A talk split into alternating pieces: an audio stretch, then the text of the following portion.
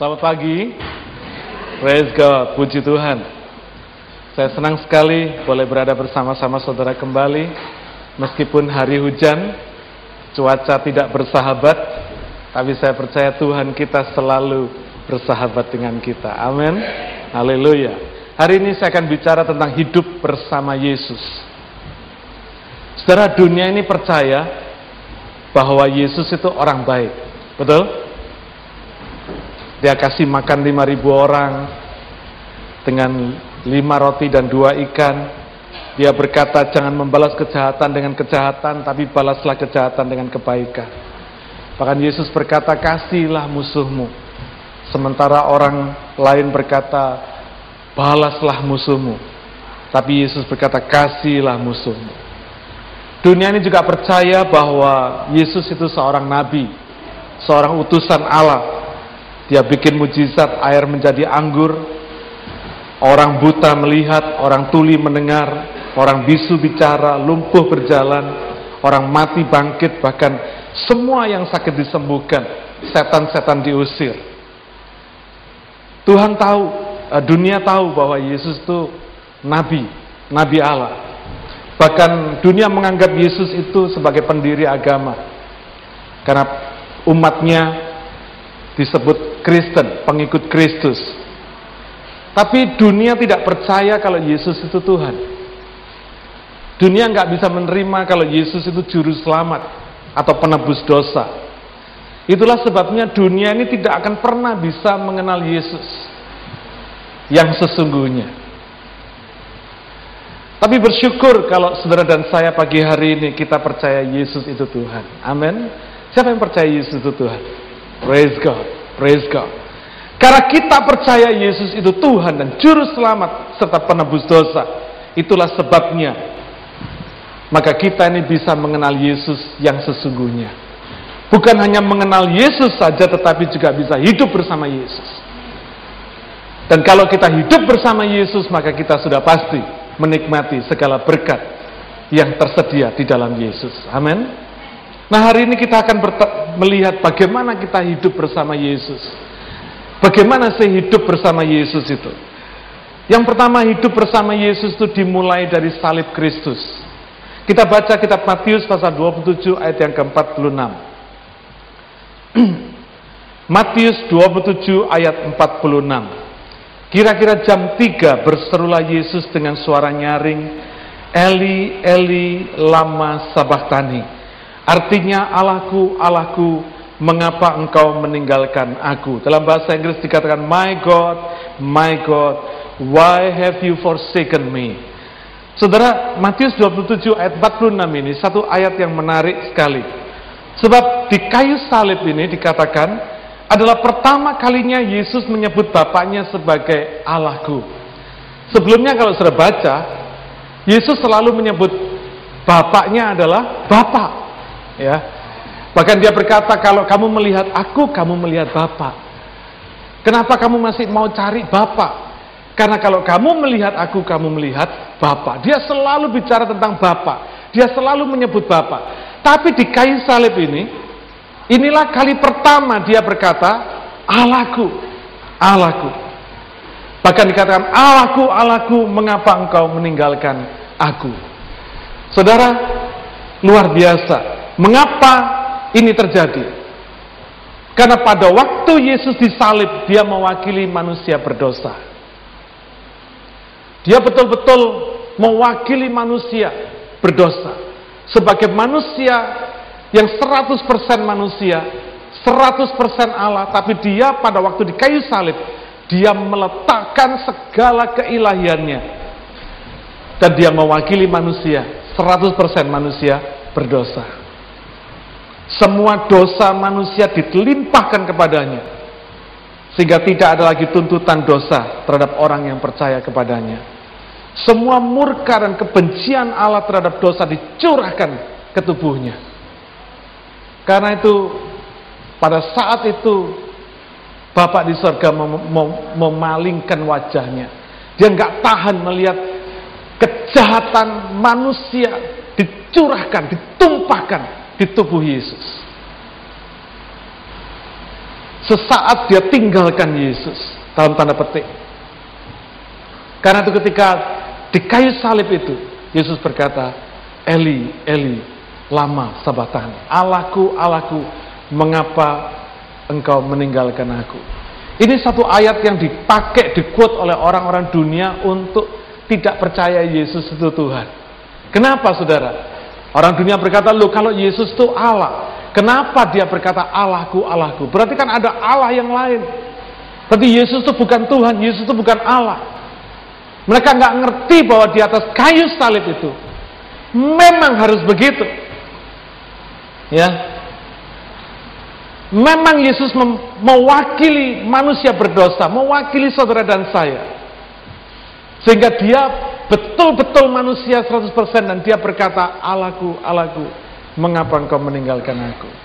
Bapak memalingkan wajahnya, nggak sanggup saudara, untuk melihat betapa Yesus ini dihancurkan oleh karena dosa manusia di dunia ini. Baik yang sudah lahir maupun yang belum lahir, semua dosa manusia dicurahkan ke atas tubuh Yesus. Bapak nggak tahan melihat kejahatan dosa, melihat penderitaan yang harus dialami oleh Yesus. Inilah satu-satunya peristiwa di mana hubungan antara bapak anak itu terputus sementara. Terputus dalam tanda petik sementara. Karena itu dia berkata, Allahku, Allahku, mengapa engkau meninggalkan aku? Saudara, semua kuasa keilahian Yesus, kuasa kealahannya ditanggalkan Saudara kalau ditanggalkan bukan berarti kehilangan, bukan berarti hilang. Enggak, ya. Yesus tidak pernah kehilangan kuasa keilahian. Tapi ketika di kayu salib, dia menanggalkan kuasa keilahiannya. Sehingga paku bisa menembus tangannya, tombak bisa menembus lambungnya. Amin. Saudara, kalau kuasa keilahiannya tidak ditanggalkan, tidak ada satupun paku yang bisa menembus tangannya. Amin. Tidak ada satupun tombak yang bisa menembus lambungnya. Dia betul-betul menanggalkan kayak Filipi 2 dikatakan dia betul-betul menanggalkan keilahiannya. Dia mengambil rupa sebagai hamba, mengambil rupa sebagai manusia. Betul-betul di atas kayu salib itu semua eksistensi ilahinya dilepaskan. Makanya dia bisa menyerahkan nyawanya. Saudara kalau eksistensi keilahiannya tidak dilepaskan, bukan berarti kehilangan ya, tidak dilepaskan, maka dia tidak akan pernah bisa mati, saudara. Betul? Tuhan tidak bisa mati, Allah nggak bisa mati, karena itu eksistensi keilahiannya dilepaskan sehingga dia bisa menyerahkan nyawanya. Ketika dia menyerahkan nyawanya, dia berkata apa? Sudah genap. Saudara, hari ini saya ingin kita melihat betul-betul. Kita mengerti betul mekanismenya, bagaimana Yesus Kok bisa jadi penebus dosa kita? Kok bisa Yesus itu jadi juru selamat kita? Yang mestinya dipaku di kayu salib itu saudara dan saya, orang berdosa. Amin. Tapi Yesus menggantikan tempat kita di kayu salib. Dia bersedia menerima segala hukuman dosa atas kita di kayu salib. Nah, apa akibatnya? Kalau Yesus itu menerima atau mengambil menggantikan tempat orang berdosa di kayu salib. Apa dampaknya bagi kita yang percaya? Orang berdosa yang sudah percaya kepada Yesus ini. Yang pertama, dampaknya bagi kita, kita tidak perlu lagi mati karena dosa. Amin. Kenapa? Karena dosa sudah diselesaikan urusannya di kayu salib. Dosa saudara dan saya mulai dari lahir sampai sampai mati sudah diselesaikan di kayu salib. Jadi kita tidak perlu lagi harus mengalami kematian oleh karena dosa. Segala hutang dosa sudah dibayar lunas. Segala tuntutan hukuman dosa sudah dijalani oleh Yesus di kayu salib. Surat hutang dosa sudah dirobek. Nggak ada lagi surat hutang kita. Luar biasa, saudara. Tuntutan pengadilan terhadap hutang dosa kita sudah dibayar. Saya bisa bayangin ya, Kalau saudara punya hutang, saudara dilaporkan oleh yang menghutangi saudara, lalu saudara dilaporkan, saudara harus diperiksa di pengadilan. Ketika saudara diperiksa di pengadilan, penuntut saudara berkata, dia punya hutang sama saya. Lalu saudara ditanya sama hakim, betul kamu punya hutang? Saudara berkata, iya pak. Pak hakim, betul saya punya hutang. Lalu ada seorang yang maju ke depan, dia berkata, berapa sih utangnya Pak Hakim?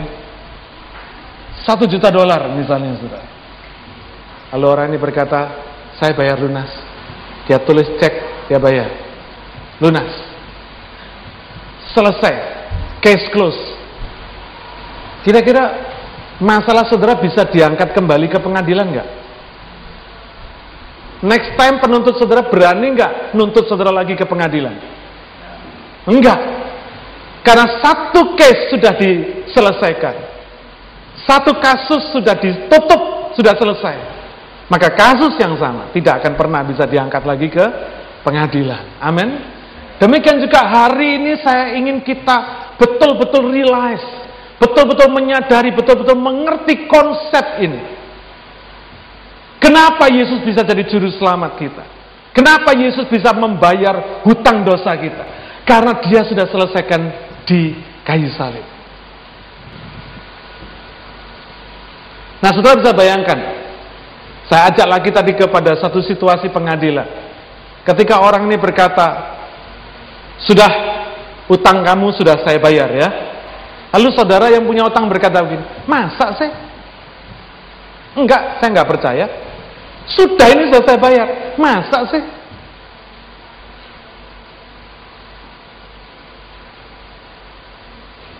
Lalu Pak Hakim tanya sama saudara, kamu menerima enggak? Kamu bisa terima enggak dosa apa utangmu dibayarin sama si A ini? Lalu saya berkata, enggak. Bisa enggak si A ini membayar utang saudara? Bisa enggak? Enggak bisa. Kenapa? Saudara enggak setuju. Saudara yang punya masalah, saudara mau dibayarin utangnya, saudara enggak mau. Nangkap nggak saudara? Meskipun ada orang yang bersedia bayar hutang saudara, menyiapkan dana untuk membayar hutang saudara, tapi kalau saudara tidak menerima, saudara tidak setuju, tidak bisa agree dengan pembayaran ini, saudara tidak akan pernah mengalami pembebasan dari hutang saudara. Nangkap nggak saudara? Karena itu ketika Yesus mati di kayu salib 2000 tahun yang lalu, Ketika hutang dosa saudara dan saya sudah dibayar oleh Yesus di kayu salib 2000 tahun yang lalu, kalau hari ini saudara menerima apa yang dikerjakan Yesus di kayu salib itu, maka hutang dosa saudara dan saya terbayar lunas.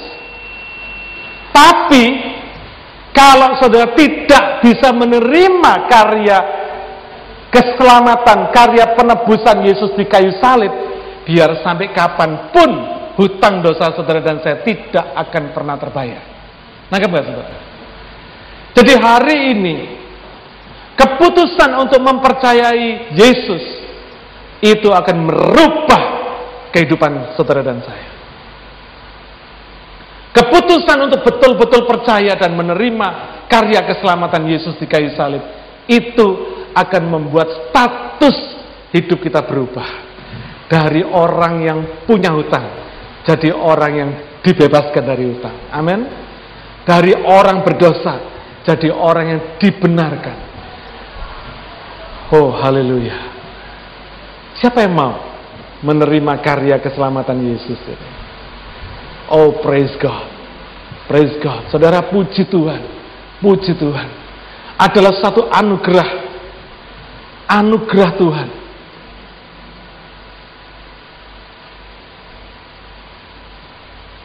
anugerah Tuhan kalau saudara dan saya bisa menerima dan bisa percaya karya keselamatan oleh Yesus di kayu salib itu. Saya ajak saudara kembali kepada suasana pengadilan tadi. Lalu Pak Hakim tanya sama saudara. Ketika saudara berkata, enggak, enggak mau. Lalu Pak Hakim tanya, lo kenapa? Kenapa? Ada orang yang mau bayarin kamu, kok kamu nggak mau? Lalu saya berkata, enggak Pak Hakim, saya masih berusaha. Saya masih coba untuk membayar hutang saya. Lalu Pak Hakim berkata apa, saudara? Ya silakan, kan gitu. Nggak mungkin Pak Hakim bisa berkata, goblok kamu, enggak. Meskipun sebetulnya ya bodoh atau udah dibayari kok, enggak mau. Mestinya kita sudah menerima kebebasan. Pak Hakim tidak mungkin berkata, wah sayang. Enggak. Tapi Pak Hakim berkata, oh ya sudah, silakan. Kasus tetap terbuka. Belum bisa ditutup. Amin. Pak Hakim akan mempersilahkan saudara untuk berusaha membayar hutang saudara. Saudara, di dunia ini terjadilah kasus seperti ini. Ada banyak orang yang sebetulnya bisa mengalami karya keselamatan Tuhan di kayu salib. Tapi sampai hari ini mengeraskan hati, tidak mau menerima dan tidak mau percaya. Kenapa? Karena merasa dirinya masih bisa melakukan sesuatu untuk menyelamatkan dirinya sendiri. Padahal tidak mungkin, saudara. Orang berdosa kok mau menyelamatkan diri yang berdosa, tidak mungkin. Yang bisa menyelamatkan orang berdosa cuma orang yang tidak berdosa. Amin. Dan orang yang tidak berdosa adalah Yesus.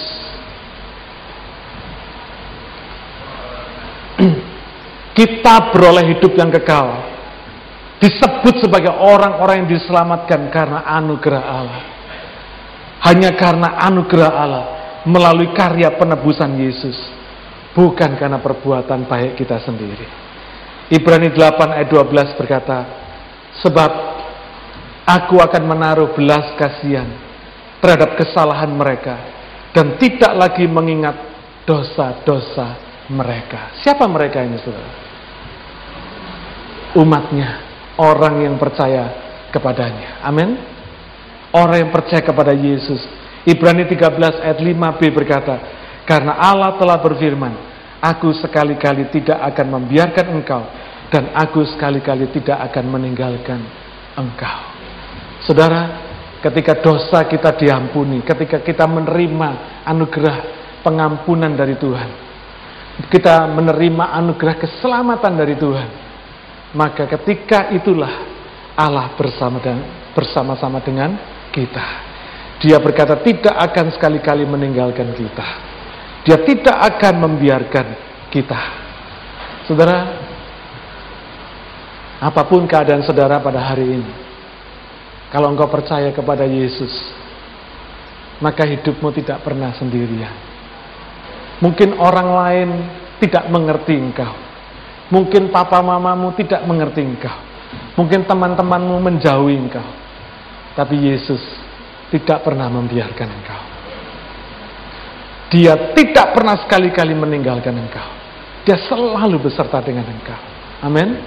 Saudara, karena itu hari ini kita boleh bersyukur, boleh bersuka cita. Dan biarlah kita menjadi orang yang bijaksana. Tidak lagi menunda-nunda kesempatan untuk percaya dan terima Yesus.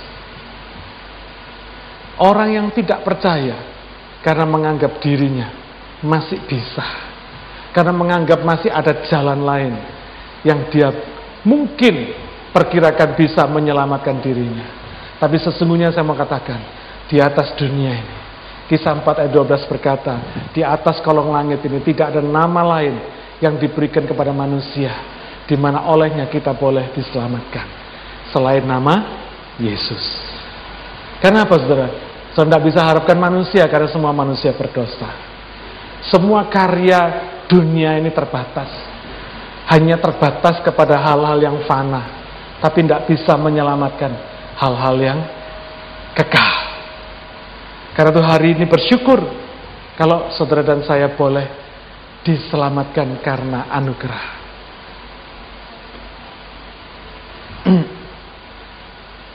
Kalau tadi yang pertama kita tidak perlu lagi mati karena dosa. Yang kedua, apa yang terjadi ketika kita ini menerima karya keselamatan Yesus di kayu salib? Maka hubungan bapak dan anak,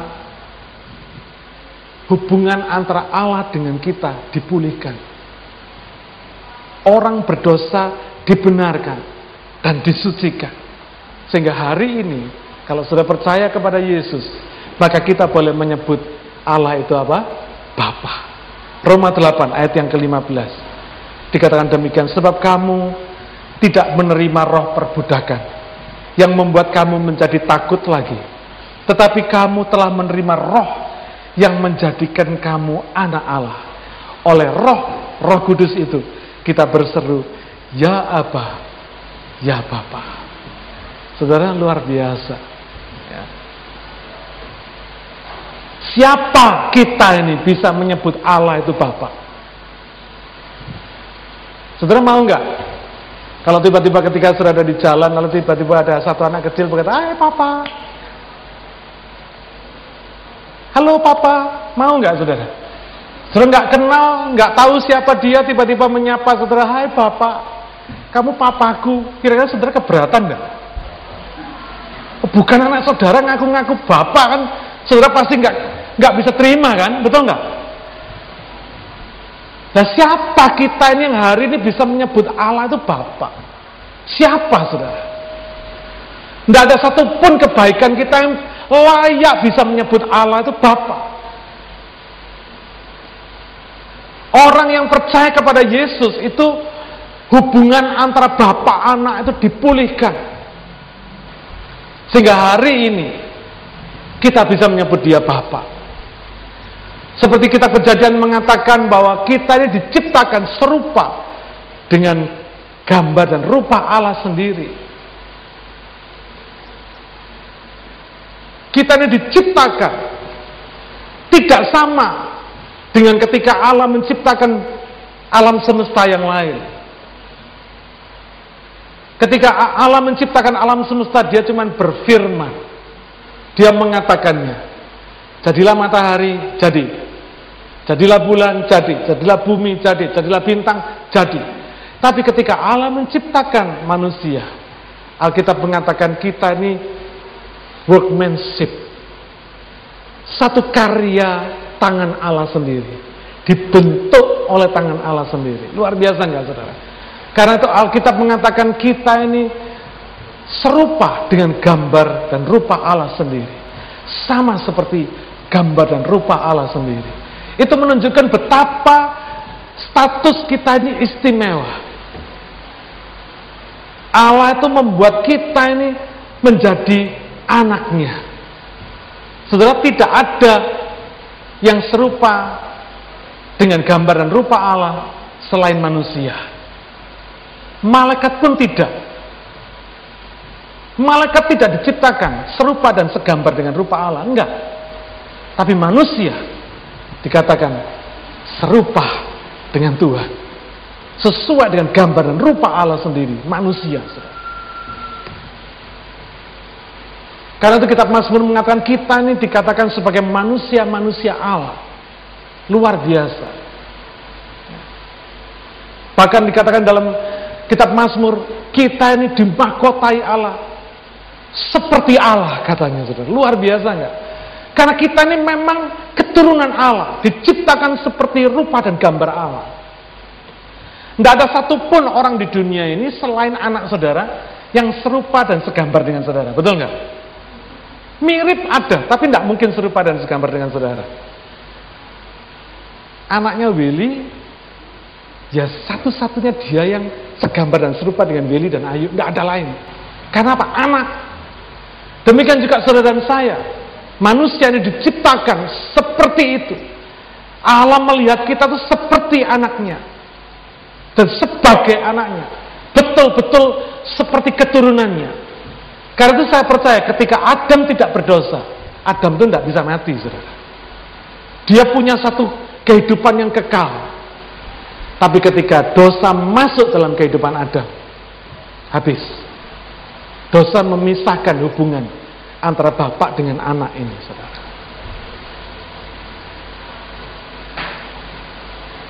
Dosa merubah eksistensi Adam dari orang yang sebenarnya serupa dan segambar dengan Allah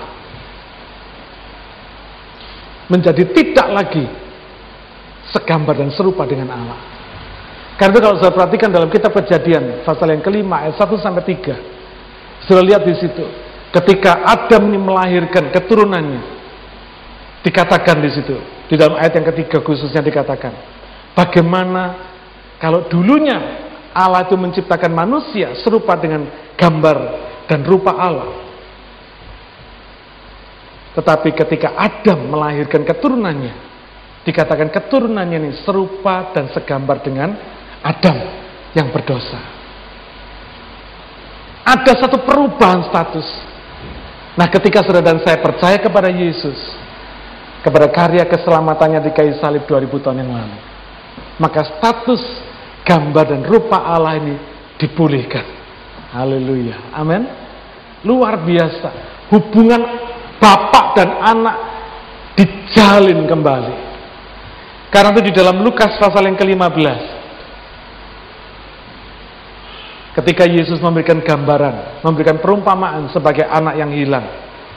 Ketika anak bungsu ini kembali kepada bapaknya. Dia berkata apa? Bapak, aku tidak layak lagi disebut sebagai anak bapak. Maksudnya si anak bungsu ini, sudah bapak jangan dianggap aku ini anak bapak. Anggapan aku ini hambamu aja. Bukan anak bapak, karena dia merasa sudah terlalu berdosa kepada bapaknya. Bapaknya masih belum mati, sudah dimintai warisan. Dan dia habiskan semua warisannya. Lalu dia berkata, sudah bapak, jangan anggap aku ini anak. Tapi apa kata bapaknya? Dia panggil hambanya, dia berkata apa? Sediakan jubah yang paling baik buat dia. Berikan cincin dan berikan sepatu terbaik buat dia. Sembelilah lembu, mari kita berpesta karena anakku yang hilang sudah ditemukan kembali. Amin. Saudara, perumpamaan ini jelas sekali. Bukan Allah yang meninggalkan kita, tapi kita yang meninggalkan Allah karena dosa-dosa kita. Tapi ketika kita kembali kepada Allah, maka ada satu jalan yang disediakan Tuhan, yaitu Yesus. Orang berdosa tidak akan pernah bisa kembali kepada Bapa tanpa melalui Yesus. Karena Yohanes 14 ayat yang ke-6 berkata, Akulah, Yesus berkata, Akulah jalan dan kebenaran dan hidup. Tidak ada satu orang pun akan sampai kepada Bapa tanpa melalui aku. Saudara, ini satu statement yang jelas bahwa orang berdosa di atas dunia ini tidak akan pernah kembali kepada penciptanya tanpa melalui Yesus. Karena itu kita harus percaya dan betul-betul yakin bahwa Yesus adalah satu-satunya jalan supaya kita bisa sampai kepada Bapa di sorga. Amin. Karena itu ketika kita percaya kepada Yesus bisa menerima karya penebusannya, kita beroleh anugerah. Luar biasa saudara. Ketika malaikat berdosa, ketika Lucifer jatuh dalam dosa, Tuhan tidak menebus dia. Tapi ketika manusia berdosa, Allah menebusnya dengan dirinya sendiri. Karena tidak akan pernah ada orang lain ataupun ada makhluk lain di atas dunia ini yang bisa menebus dosa manusia selain Allah sendiri. Karena itu dia perlu lahir sebagai manusia, mewakili manusia berdosa di atas kayu salib. Memberikan hidupnya untuk mati di kayu salib. Supaya kita beroleh kehidupan kekal. Kalau kita hubungan bapak anak ini sudah dipulihkan, maka hak-hak anak sebagai ahli waris dan keturunan bapak juga dipulihkan. Coba bicara tentang apa? Anak bungsu ini diterima kembali sebagai anak bapak, bukan sebagai hamba. Karena Yesus berkata, aku tidak lagi menyebut kamu hamba. Amin. Kita orang berdosa yang mestinya nggak layak disebut anak Bapak. Tapi Bapak mau menerima kita sebagai anaknya. Kembali dipulihkan status kita sebagai anak Bapak. Cincin bicara tentang apa? Bicara tentang hak. Hak sebagai anak dipulihkan. Diberikan kembali cincin sebagai meterai atas hak dengan kata lain ketika anak bungsu ini diberikan kembali cincinnya. Anak bungsu ini boleh memiliki hak meterai akan sebagai anak, hak-haknya dipulihkan. Menjadi ahli waris, menjadi anak bapak, boleh menikmati segala miliknya. Ketika anak bungsu diberikan sepatu, bicara soal otoritas, otoritasnya dipulihkan. Dia boleh pergi ke semua wilayah milik bapaknya. Dia boleh menguasai semua milik bapaknya. Statusnya, haknya, otoritasnya dipulihkan.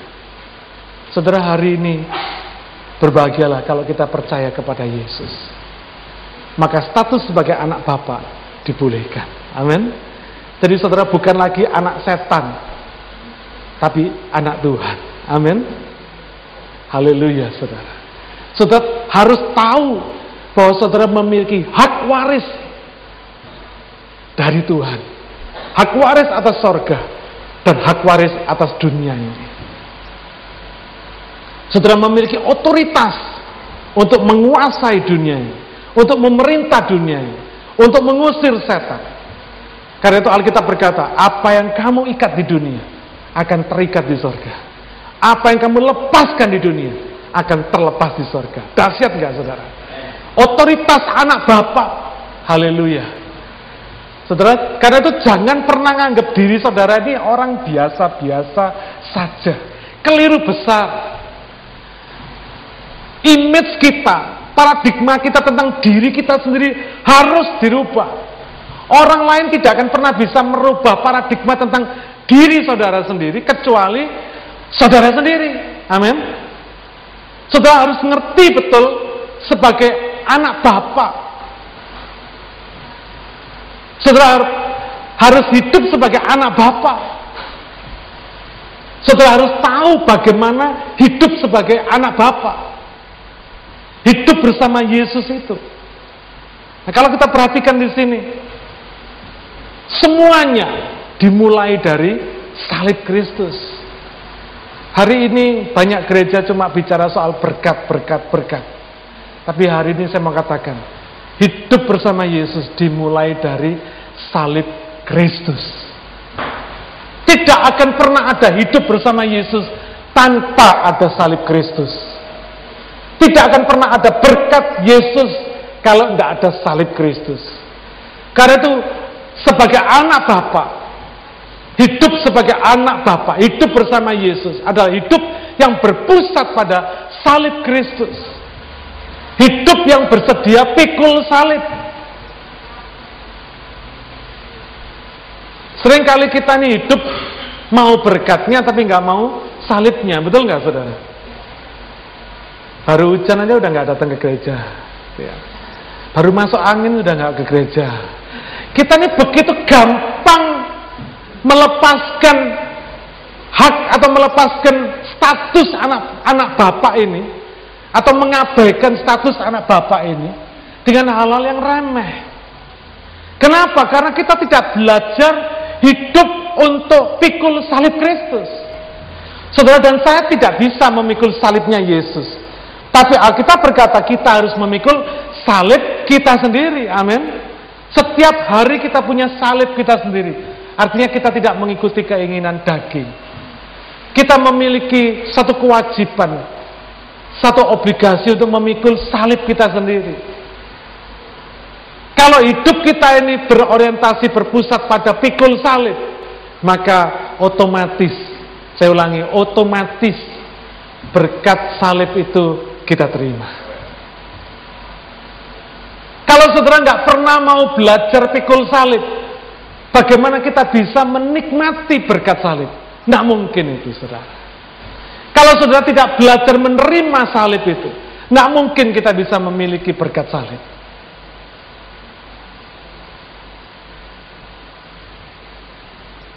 Jadi hidup bersama Yesus adalah hidup yang berpusat pada salib. Berpusat pada karya salib Kristus. Menerima karya salib Kristus. Dan memikul salib kita sendiri. Amin. Siapa yang mau pikul salib? Coba saudara katakan kiri kanan saudara.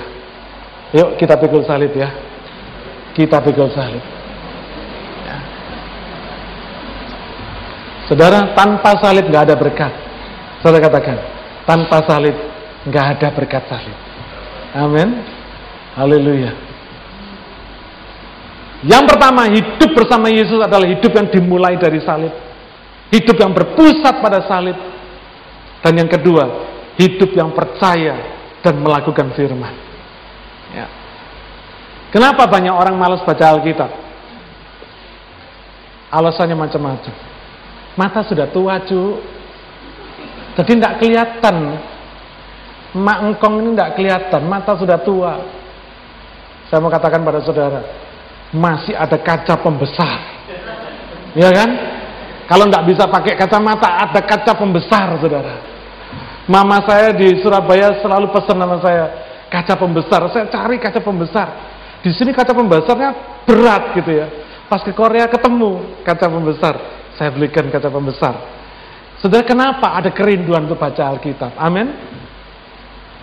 Kenapa orang Kristen tidak rindu baca Alkitab? Tidak suka akan firman.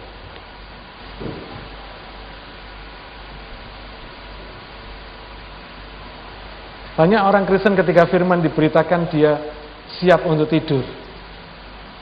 Kenapa? Karena hatinya nggak siap, nggak rindu akan firman. Ya. Yohanes 8 ayat 30 sampai 32. Kita baca sama-sama. Setelah Yesus mengatakan semuanya itu, banyak orang percaya kepadanya. Maka katanya kepada orang-orang Yahudi yang percaya kepadanya, Jikalau kamu tetap dalam firmanku, kamu benar-benar adalah muridku. Dan kamu akan mengetahui kebenaran. Dan kebenaran itu akan memerdekakan kamu. Luar biasa ya. Saya perhatikan di sini. Jikalau kamu tetap dalam firmanku, kamu benar-benar adalah muridku. Saudara kita sering kali puas cuma jadi pengikut Kristus. Puas cuma disebut sebagai orang Kristen. Untuk percaya Yesus, you pay nothing. Saudara nggak bayar apa-apa. Karena untuk percaya Yesus, saudara cuma terima. Tetapi untuk jadi murid Yesus, you pay everything. Engkau bayar semua untuk jadi murid. Amin. Untuk jadi seorang murid, saudara mesti bayar semua. Untuk percaya kepada Yesus, saudara nggak perlu bayar apa pun. Tapi untuk jadi murid Yesus, engkau mesti bayar. Engkau mesti bayar harganya. You pay everything. Amin. Saudara jadi murid sekolah aja mesti bayar kok. Pagi-pagi saudara mesti bangun pagi. Saya masih ingat dulu ketika mama saya membangunkan saya pagi-pagi, aduh masih ngantuk, dibangunin. Mandi, ayo sekolah. Aduh maunya tuh masih mau tidur, saudara. Dibangunin mesti harus bangun, mesti harus mandi. Kadang-kadang saya mandi sambil merem, saudara. Masih ngantuk, mesti bayar. Pinginnya tidur, suruh berangkat sekolah, saudara. Ada harga yang mesti dibayar untuk menjadi seorang murid Kristus. Di sini katakan kamu benar-benar adalah muridku. Kalau saudara mau jadi murid Yesus, saudara mesti bayar harga sebagai murid. Saudara mesti berangkat ke sekolah, saudara mesti duduk diam, mulai dari jam 8 pagi sampai jam 3 siang, saudara mesti belajar, saudara mesti mencatat, saudara mesti harus ikut ujian, saudara mesti belajar pulang sekolah maunya tidur tapi saudara mesti ada PR, mesti bikin PR lagi. Saudara ada harga yang dibayar sebagai murid. Kalau saudara mau jadi murid tapi tidak mau bayar harga, kira-kira bisa nggak jadi murid? Sekolah masuk jam 8, saudara masuknya jam 1. Kelewas, kelewas. Jam 1 siang, saudara. Sama siang bu guru. Guru akan tanya, lu dari mana? Dari rumah. Lu tahu jam berapa sekolah masuk? Jam 8. Lah kenapa nih sekarang masuk jam 1? Ya suka-suka saya guru. Kira-kira saudara bisa jadi murid nggak? Kata guru saya, ya sudah sekolah di rumah kan gitu saudara ya. Nggak mungkin sekolah tiap hari, mulai Senin sampai hari Sabtu kalau dulu di Indonesia, ya kan? Lalu saudara masuknya Senin masuk, Rebo masuk, Sabtu masuk. Guru tanya, kenapa kamu masuk hari Senin, Rebo, Sabtu? Lalu saudara berkata, ya semau saya Bu Guru. Saya sukanya begitu. Kira-kira bisa nggak saudara? Ya bisa. Ketika ujian saudara nggak mau ujian. Bu Guru saja yang ujian, saya enggak. Bisa nggak sekolah begitu saudara? Nggak bisa. Ketika men menjadi murid itu ketika saudara berkata, yes Tuhan, aku mau jadi muridmu. Ada satu komitmen, ada satu keputusan, ada satu kepastian bahwa aku mau mengikuti segala aturan, tata cara untuk menjadi murid Kristus. Betul nggak saudara? Alkitab berkata kalau kamu benar-benar muridku, kamu akan tetap dalam firmanku. Ini aturannya, saudara. Saudara nggak bisa jadi murid Yesus tanpa firman. Saudara bisa jadi pengikut Yesus tanpa firman bisa. Seminggu sekali dengar firman di khotbah di gereja bisa. Tapi saudara tidak pernah bisa jadi murid Kristus tanpa tiap hari bersama firman. Hidup bersama Yesus adalah hidup bersama firmannya. Amin. Hari ini saya betul-betul ingin rindu betul-betul supaya jemaat mengalami satu breakthrough di dalam hidupnya. Supaya kita semua mengalami breakthrough di tahun yang baru ini. Yang males-males baca firman Tuhan, tahun ini mulai haus, lapar akan firman Tuhan. Yang males-males berdoa, mulai tahun ini rajin berdoa. Amin. Saudara, jangan ulangi kemalasan saudara tahun 2012 di tahun yang baru ini. Amin. Rugi saudara. Saudara, biarlah ada satu kerinduan dalam hati kita untuk mengalami berkat firman di dalam tahun yang baru ini. Nah, saya mau katakan pada saudara, kenapa kita sering kali tidak mau hidup bersama firman? Karena nggak ngerti betapa dahsyatnya hidup bersama firman. Ya, Saudara, kalau urusan mati karena dosa kita tidak perlu lagi pikirin. Karena apa? Sudah ditebus Yesus kan? Berarti apa yang kita mesti pikirin hari ini? Apa yang mesti jadi concern kita hari ini? Bukan kematian lagi, saudara. Kematian itu tidak lagi menjadi satu concern orang Kristen, orang yang percaya Yesus. Kematian itu cuma satu satu keadaan pindah dari bumi ke sorga. Cuma itu aja. Pindah tempat, betul? Kenapa? Karena kita sudah dijamin kepastiannya. Bahwa kita ini diselamatkan. Bukan semoga. Selamat bukan. Seperti orang-orang yang beragama lain. Beda. Kalau orang-orang yang beragama lain masih berpikir, semoga saya selamat. Semoga saya masuk surga. Tapi orang yang percaya Yesus tidak lagi semoga. Tapi pasti. Pasti masuk surga. Kenapa? Karena tadi itu, Tempat kita, orang berdosa di kayu salib, sudah digantikan Yesus. Supaya tempatnya Yesus boleh kita duduki. Kira-kira kan gitu, saudara ya. Tempatnya Yesus di surga, boleh kita ada di sana. Karena Yesus berkata, di mana aku berada, aku mau mereka semua, murid-murid, ada bersama aku. Dalam doanya dalam Yohanes 17, ya kan? Lalu dia berkata, di rumah Bapakku ada banyak tempat. Dan aku pergi ke sana menyediakan tempat bagimu. Luar biasa, saudara.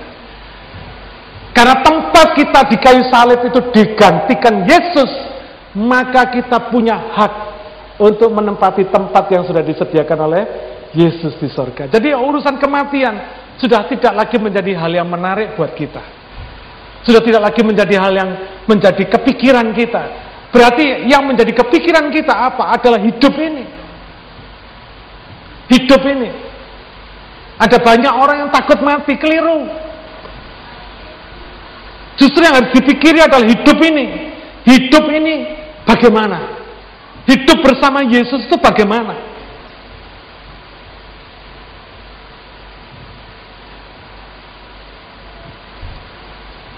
Memang hidup bersama Yesus tidak mulus, saudara. Ada naik turun ada jatuh bangun, ada kebentur sana kebentur sini. Ya. Kita berkata kemalangan orang benar itu banyak. Tapi Allah melepaskan kita dari semuanya itu. Amin. Kesulitannya banyak, tapi Allah melepaskan kita dari segala kesulitan itu. Hidup bersama Yesus ini bukan terus kebal masalah, kebal penyakit tidak. Kadang kita masih bisa sakit, kadang kita bisa kena masalah, kadang kita masih bisa dijahatin orang dan sebagainya dan sebagainya. Tapi ketika kita menghadapi hidup yang berseni seperti ini, hidup yang nyeni dalam tanda petik, hidup bersama Yesus adalah hidup yang nyeni, saudara.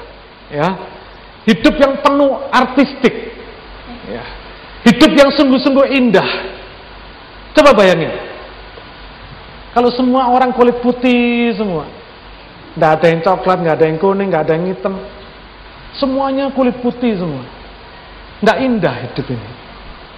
Variasi itu membuat indah. Di sini ada guru lukis saya, Tante Lili. Saya tiap minggu diajari Tante Lili melukis. Bagaimana mengkombinasikan warna, membuat kontras dan sebagainya. Supaya jadi indah, saudara. Supaya jadi indah.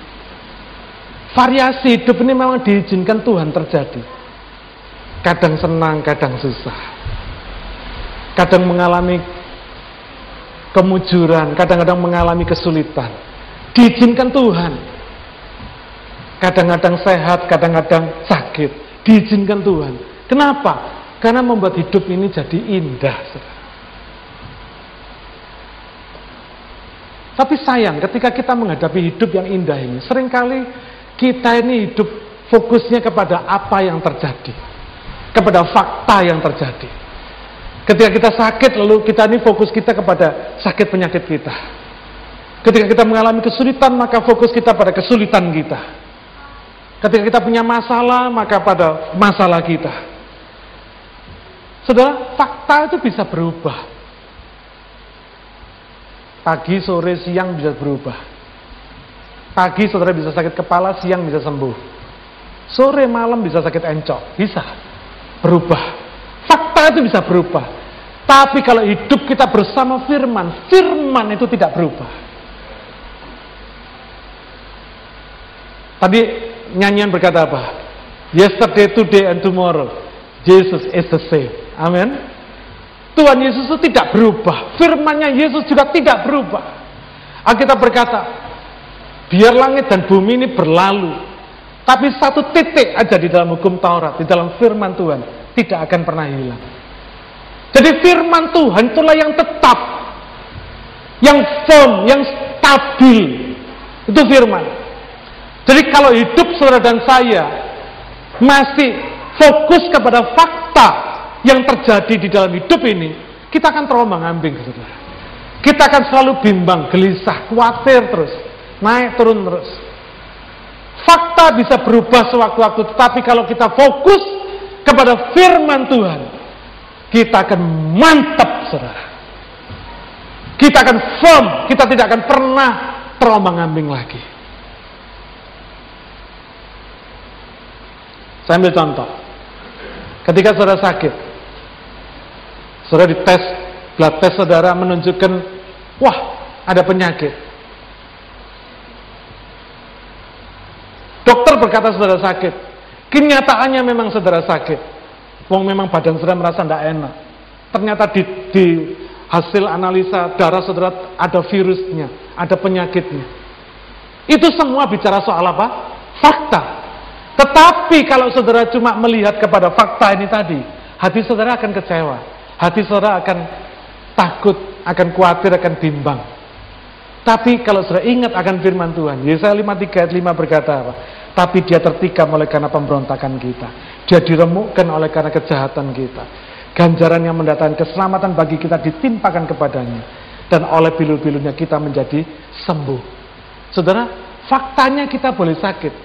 Tapi firmannya berkata kita sudah disembuhkan. Oleh bilur-bilur Yesus kita sudah disembuhkan. Kita sudah menjadi sembuh. Jadi kalau kita sakit oleh firman ini, kalau kita percayakan firman ini, kita menjadi sembuh. Saudara, ini penting. Kenapa sih Roh Kudus diberikan kepada kita? Alkitab mengatakan menjadi jaminan supaya kita ini menerima setiap janji Allah. Amin. Itulah sebabnya Roh Kudus diberikan kepada kita. Itulah sebabnya kenapa Allah itu tinggal bersama kita. Kenapa Yesus hidup bersama kita. Untuk supaya kita ini ngerti bahwa kita ini punya garansi, punya warranty. Bahwa kita ini akan menerima setiap janji Allah. Ketika saudara dan saya menerima setiap janji Allah. Bukan karena kita baik. Bukan karena kita baik-baik jadi anak Tuhan. Bukan. Tapi karena Yesus. Karena ada roh kudus yang diberikan sebagai warranty. Sebagai jaminan. Jaminan keselamatan saudara adalah roh kudus di dalam kehidupan kita. Bagaimana mekanismenya? Saya mau kasih saya ilustrasi yang sederhana. Meskipun ilustrasi ini tidak mirip, tapi saya harap saudara bisa mengerti ilustrasi ini. Kalau saudara ke restoran, saudara dikasih menu kan, saudara milih kan, saudara milih. Yang perlu dipilih apa? Cuma menunya saja kan. Di dalam menu itu tidak pernah dituliskan ingredientsnya apa, nggak pernah kan. Cuma dituliskan aja menunya. Fried noodle, sudah. Bakmi goreng, udah. Ketika saudara memilih menu ini, siapa yang masak buat saudara? Koki kan? Yang penting saudara tahunya di depan meja saudara ada bakmi goreng yang enak yang seperti saudara harapkan. Ya kan? Saudara nggak tahu di dapur sana ketetesan keringetnya, kokinya saudara nggak tahu kok. Dikasih campuran apa pun saudara nggak tahu kok. Dikasih bumbu apa pun saudara nggak tahu. Betul? Yang penting ketika hadir di muka saudara, ketika saudara cicipi enak. Amin. Saudara nggak tahu ayamnya jatuh ke tanah duluan terus selalu sama kokinya diambil, diketek ketek ketek ketek dimasukin lagi. Saudara juga nggak tahu. Yang penting hoja. Iya kan? Yang penting bagi saudara itu enak bisa saudara nikmati, itu aja. Nah saudara, di dalam hidup ini, bagi kita yang penting itu kita percaya sama firman ini. Firmannya ini ngomong apa? Percaya dah. Maka koki roh kudus kita akan mengerjakan firman ini. Jadi buat saudara. Amin. Kira-kira begitu, saudara. Setelah dikatakan ilustrasi ini bukan saya berkata roh kudus kayak koki, bukan.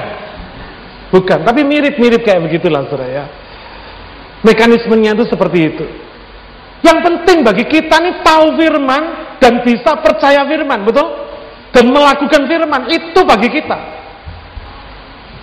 Ketika sudah sakit, maka sudah percaya bahwa bilur-bilur Tuhan Yesus sudah menjadikan kita sembuh. That's it. Itu aja yang kita yang kita tahu dan yang kita percaya dan yang kita lakukan, yang kita amini. Nah kalau kita percaya kita sudah menjadi sembuh oleh karena bilur-bilur darah Yesus, oleh bilur-bilur Yesus, ya sudah nggak perlu kepikiran loh sama penyakit kita. Betul nggak?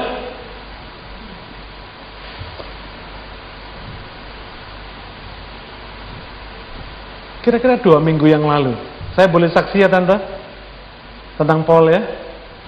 Dua minggu yang lalu kira-kira saya habis melukis sama tante Lily di di cottage Lalu saya tergerak oleh Tuhan untuk mendoakan Paul, anaknya Tante Lili yang tadi duduk di situ. Dia ada di sini tapi dia mungkin keluar. Karena Paul didiagnosa oleh dokter sebagai penderita liver cirrhosis. Ada something yang tidak berkenan di dalam. Lalu saya tergerak untuk kita berdoa.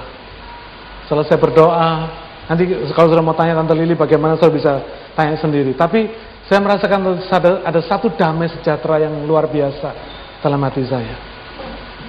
Lalu minggu kemarin ketika saya ketemu lagi dengan Tante Lili dan Paul serta Brian di situ, lalu diceritakan Paul barusan periksa dokter dan semua analisa bersih.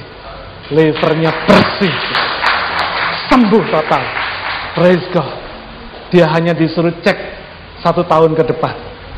Next year suruh periksa lagi untuk cek. Tapi segala kesulitannya, segala problemnya, sakit penyakitnya sembuh. Saudara, kita nggak tahu bagaimana Roh Kudus itu bekerja, betul? Yang tahu kita ini percaya, yang penting kita ini percaya. Tidak ada satupun di dalam hidup kita yang terlalu sulit buat Tuhan. Amin. Apa pun masalah saudara terlalu mudah buat Tuhan. Karena itu bagi kita kalau saudara percayakan firman Tuhan, hidup bersama Yesus adalah hidup bersama firman-Nya, hidup yang percaya dan melakukan firman-Nya, maka saya percaya segala janji-janji firman jadi dalam hidup saudara. Tidak ada yang terkecuali. Karena roh kudus sudah diberikan kepada kita. Dan dialah jaminan supaya kita memperoleh setiap janji-janji Allah. Roh kudus tidak pernah membedakan. Oh kalau kamu, karena kamu kemarin malas baca Alkitab ya, maka sekarang kamu tidak berlaku ayat ini. Tidak. Kalau saudara percaya kepada Tuhan dan saudara percaya kepada firman-Nya, saudara betul-betul melakukan firman-Nya, maka setiap janji firman Allah di dalam hidup kita terjadi. Tanpa kita perlu tahu bagaimana caranya Allah bekerja. Ruwet saudara. Yang penting kita menikmati berkatnya. Amin. Jadi kalau hari ini saudara mau hidup bersama Yesus, saudara tidak bisa meninggalkan salib Yesus. Yang kedua, saudara harus hidup bersama firman-Nya. Saudara mesti percaya dan melakukan firmannya Yesus. Amin. Dua perkara yang sederhana. Percaya Yesus. Fokus kepada salibnya. Dan hidup bersama firmannya. Maka saya, saya katakan, sudah hidup bersama Yesus adalah hidup yang sangat-sangat indah. Saudara bukan hanya mengenal Yesus, saudara hidup bersama Yesus dan menikmati segala berkatnya. Amin. Siapa yang rindu? Praise God. Praise God. Alami firmannya. Jangan cuma tahu firmannya. Lakukan firmannya. Alami firmannya. Alami berkatnya. Amin. Haleluya. Apa pun masalah saudara hari ini. Kalau saudara mau percaya kepada Yesus. Saudara akan mengalami kuasa firmannya Yesus. Amin. Kalau liver cirrhosis bisa disembuhkan Tuhan dalam sekejap. Tidak ada satupun persoalan dalam hidup ini yang terlalu susah sulit buat Tuhan, ada. Amin. Mari kita hidup bersama Yesus, hidup dalam mujizatnya yang luar biasa. Mari kita berdoa. Haleluya. Bapak kami minta engkau memeteraikan firman di dalam hati pikiran kami. Supaya kami boleh betul-betul menikmati hidup bersama Yesus kami betul-betul boleh melihat keajaiban hidup bersama Yesus. Kami betul boleh mengalami mujizat bersama Yesus. Dan kami boleh menikmati segala janji firman Tuhan yang sudah diberikan di dalam firman-Nya Yesus. Tuhan terima kasih kalau Engkau sudah mati buat kami. Supaya kami yang seharusnya mati boleh hidup buat Engkau. Terima kasih Bapak. Terima kasih kalau Engkau sudah menyediakan tempat bagi kami supaya kami boleh hidup bersamamu selamanya. Bukan hanya di dunia ini, tapi di mana engkau berada, kami pun juga bersama engkau. Terima kasih Bapak. Terima kasih hambamu sudah menyampaikan firmanmu dengan terbatas. Tapi kami percaya roh kudus engkau akan mengerjakan firmanmu dengan tidak terbatas. Terpujilah namamu. Dalam nama Tuhan Yesus, kami sudah berdoa dan mengucap syukur. Haleluya. Amin.